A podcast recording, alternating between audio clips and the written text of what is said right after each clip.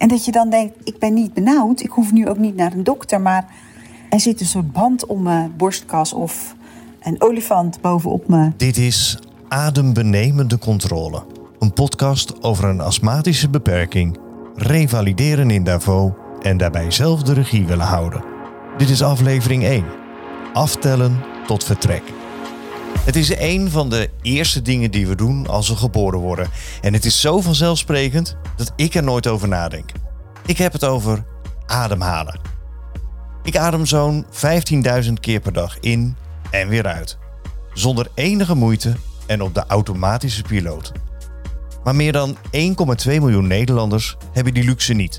Zij worstelen bij elke ademteug met de beperkingen van een longziekte. Een van hen is Barbara.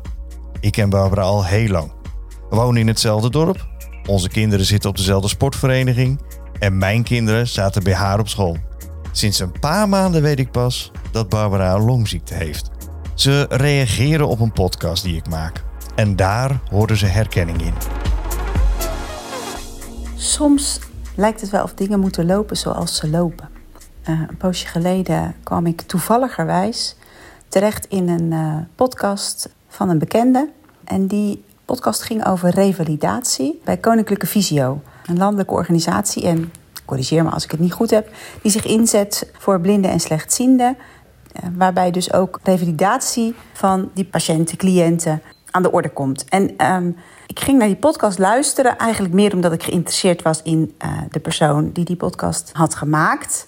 Maar al luisterend vond ik het heel bijzonder om te horen dat de revalidatie die ik in 2019 achter de rug heb uh, voor mijn astma, uh, de longrevalidatie, zo ontzettend veel overeenkomsten had met de revalidatie die beschreven werd voor blinden en slechtzienden.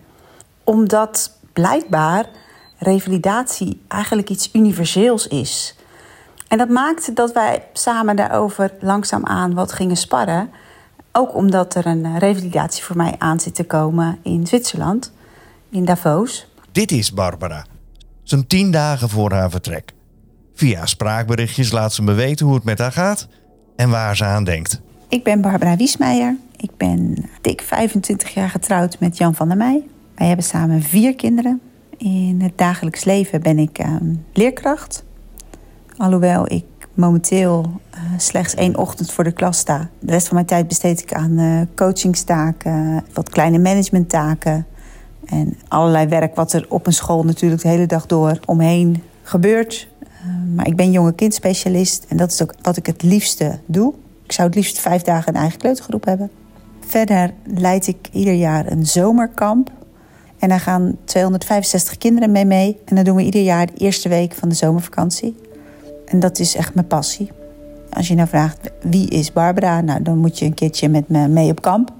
En dan zie je wie Barbara is. Maar ik denk dat je het ook wel ziet als je een dagje met me in de klas zou zijn. En ik ben Theo van Zuiden, podcastmaker en slechtziend. Door mijn visuele beperking heb ik behoorlijk wat keren gerevalideerd. En ik vind het een interessant proces. Niet op het moment dat ik eraan ga beginnen, dat is afzien en vaak de balans vinden tussen mijn eigen ego en nieuwe inzichten. Dus toen Barbara vertelde dat ze acht weken intensief gaat revalideren in Zwitserland en een manier zocht om dat vast te leggen, bedachten we deze podcast. En dat is best spannend, want we hebben geen idee wat haar daar te wachten staat en of het lukt om na een dag of een week revalideren nog een gesproken berichtje door te sturen. Wel hebben we vertrouwen in elkaar. Ik mag van haar alles over de revalidatie en haar gevoelens vragen. Want van één ding is ze overtuigd. Het gaat daar niet gemakkelijk worden. Wat eigenlijk steeds terugkomt in de gesprekjes die ik met Theo voer, maar ook wel met veel mensen om me heen op dit moment, is controle.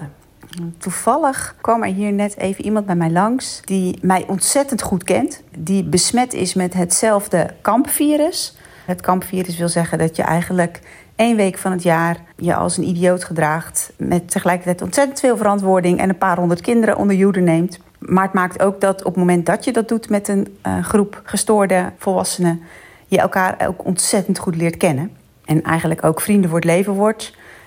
En van de zomer viel ik even in in een, uh, een van de kampteams. En hij had het over uh, de verschillende rollen die iemand kan hebben in een team. En hoe je elkaar versterkt. En het ging op dat moment ook over je red buttons. Wat zijn de knoppen waar iemand bij jou niet op mag drukken? Want dan flip je. Ergens in uh, dat gesprek stapte ik binnen. En het enige wat ik zei is: Oké, en wat is dan mijn red button? En het antwoord wat hij direct gaf was: Jouw totaal volledig de controle uit handen nemen. Daar kan jij echt niet tegen. En die woorden gaan nu al een week of zeven door mijn hoofd. Want wat gebeurt er als je gaat revalideren? Ehm, dan wordt eigenlijk de controle uit je handen genomen.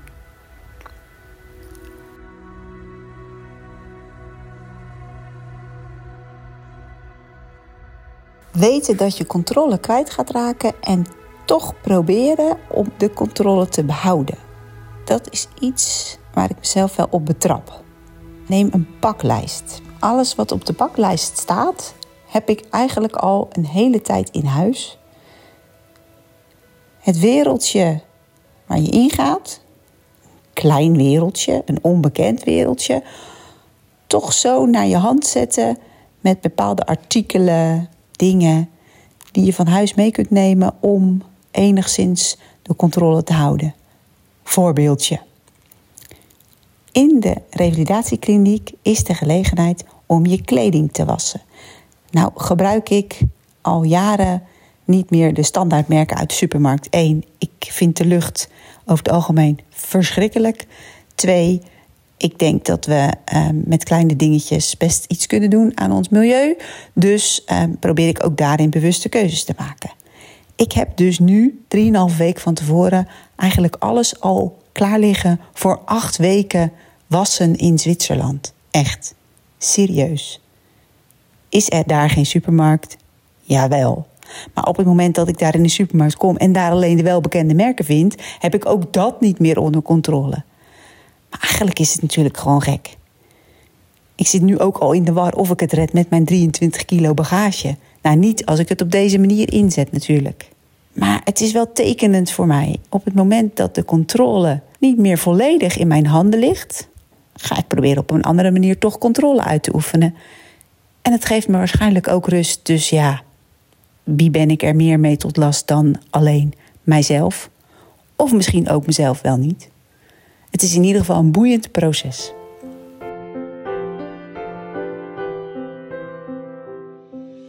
Het is 14 september en zo uh, een paar dagen voor vertrek is het voor mijn psyche goed om me zo kloten te voelen zoals nu.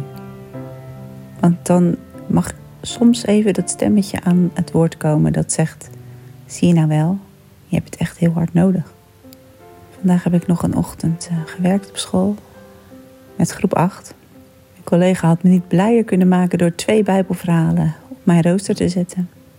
Het was niet verantwoord, kan ik wel toegeven, maar ik heb heerlijk twee verhalen verteld, achter elkaar. De prepuurs hebben 20 minuten aan mijn lippen gehangen. Het was een prachtige start van, start van deze dag. Vervolgens zijn ze naar de gym gegaan en had ik even rust. En daarna zijn we aan uh, andere vakken gegaan en heb ik gewoon gedraaid zoals ik uh, altijd mijn ochtend draai. Op mijn tenen. Maar om kwart over twaalf toen ze naar huis waren, dacht ik: Oeh, dit was vandaag het gaspedaal indrukken terwijl je het gaspedaal er eigenlijk al doorheen had getrapt. En wat is dat? Dat ik dat terwijl ik dat aan het doen ben, niet door heb.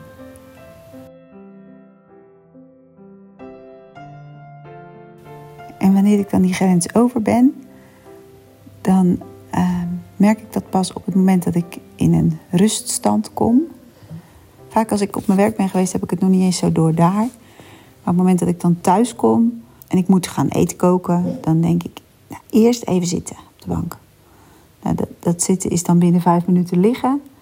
En dat is dan meestal de stand die het blijft.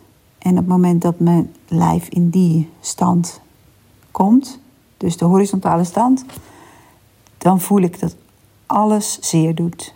En dat is ongeveer vanaf onder mijn middel, waar volgens mij het onderste deel van je longen zit, of in ieder geval spieren die daar eh, aan vastzitten. Tot ergens bovenaan in mijn nek, schouders. Dat doet allemaal zeer. Dat heb ik allemaal heel hard aan het werk gezet. Op het moment dat ik ook echt een benauwde dag heb. Bijvoorbeeld als het een vochtige dag is of als er veel pollen in de lucht zit. En die longen zijn ook nog eens extra getriggerd die dag. Dan voelen die ook branderig, moe. En soms ook een soort steken erin. Maar ik weet dan nooit zo goed of ik mijn longen voel of dat ik mijn spieren eromheen voel. Het schijnt dat je je longen niet kan voelen. Nou, ik voel ze altijd heel duidelijk, maar weet niet precies eh, hoe ik dat uit moet leggen. Eén ding kunnen we concluderen. Barbara is zich heel bewust van haar valkuilen. Voor mij heel herkenbaar. En ook dat deel dat je het probleem pas herkent als je geconfronteerd wordt met de vervelende gevolgen. Toch vroeg ik haar of ze mij wilde uitleggen hoe het toch elke keer weer gebeurt dat ze zo gemakkelijk over haar grens gaat. Ja, dat over die grenzen gaan. Hoe werkt dat precies? Nou, als ik s morgens wakker word, dan word ik eigenlijk altijd benauwd wakker. Je wordt zeg maar wakker en je denkt: oh ja, dat is waar, ik heb astma. En dan uh, druk ik de wekker op snoes en op sluimer. En dat gaat dan een paar keer zo door, want je bent eigenlijk te moe om op te staan. Maar goed, je moet opstaan, want je hebt een planning. En dan uh, zit ik op de rand van mijn bed. En dan loop ik naar de badkamer. Dan denk ik, nou, valt eigenlijk best wel mee. Ja, stap ik onder de douche en dan uh, neem ik mijn astma-medicatie daarna. En ik doe mijn haar en ik maak me op. Want ja, als je er gewoon iedere dag goed uitziet, dan valt het ook niemand op. Leuke kleren aan. Even gauw de wasmachine aan. Dan is die in ieder geval een keer aangegaan die dag. Want je weet niet of je namelijk in de loop van de dag nog een keer de trap op kan. En dan ga je gewoon je dingen doen. De ene dag gaat dat goed. En een andere dag gaat het redelijk. En er zijn ook dagen dat je denkt, dit gaat eigenlijk helemaal niet. Maar eigenlijk ga je wel elke dag door. Op dagen dat ik je moet werken, dan zet ik het echt uit. Het is niet dat ik dat bewust doe, maar dan denk ik, nou, het valt allemaal wel mee vandaag. Of stel je niet zo aan. Niet eens dat ik dat bewust denk, maar dat is wel wat ik doe. En een enkel keertje als ik aan het werk ben, denk ik... nou, is het iets te makkelijk ingeschat vandaag... en dan ga ik even Ventolin nemen, luchtwegverwijder. Waar ik vervolgens ook weer hyper van word, dus nog weer harder ga lopen. Oh ja, het gezin van Barbara heeft ook nog een hond. Inmiddels vordert het aftellen tot het vertrek naar Zwitserland. Op de dag voor haar vertrek gaan ze met z'n allen uit eten. Revalidatie in Davos in Zwitserland. Maar waarom eigenlijk? We gingen vanmiddag nog even met het gezin uit eten. En ik omschreef mijn longen op dat moment op de volgende manier. Ze doen gewoon nu zo zeer. Ja, wat bedoel je dan? Wat is dan zeer? Ik zeg, nou, weet je, ik kan het denk ik uitleggen met behulp van een, het beeld van een pakje drinken. Je neemt een kartonnen pakje sap en ehm, daar drink je uh, dan wat slokken uit zonder dat je er lucht bij laat komen. Ik heb natuurlijk geen idee wat een pakje sap voelt. Maar vanmiddag voelden mijn longen alsof van alle kanten ze werden ingedrukt. En ik uit alle macht probeerde om ze weer uit te drukken. Dat had te maken met uh, de naderende herfst die eraan komt. En ik dacht vanmiddag wel even: oké, het is nu half september. Ik heb een fantastische zomer achter de rug. Waarin ik nog nooit zoveel op de bank heb gelegen. Het is goed dat ik naar Zwitserland ga. Want de winter moet nog beginnen. En het gevoel van vanmiddag, dat was echt niet fijn. Je hebt geluisterd naar de podcast Adembenemende Controle. Wil je reageren of heb je een vraag aan Barbara? Stuur dan een berichtje naar bwiesmeijer.gmail.com. Meer informatie vind je in de beschrijving.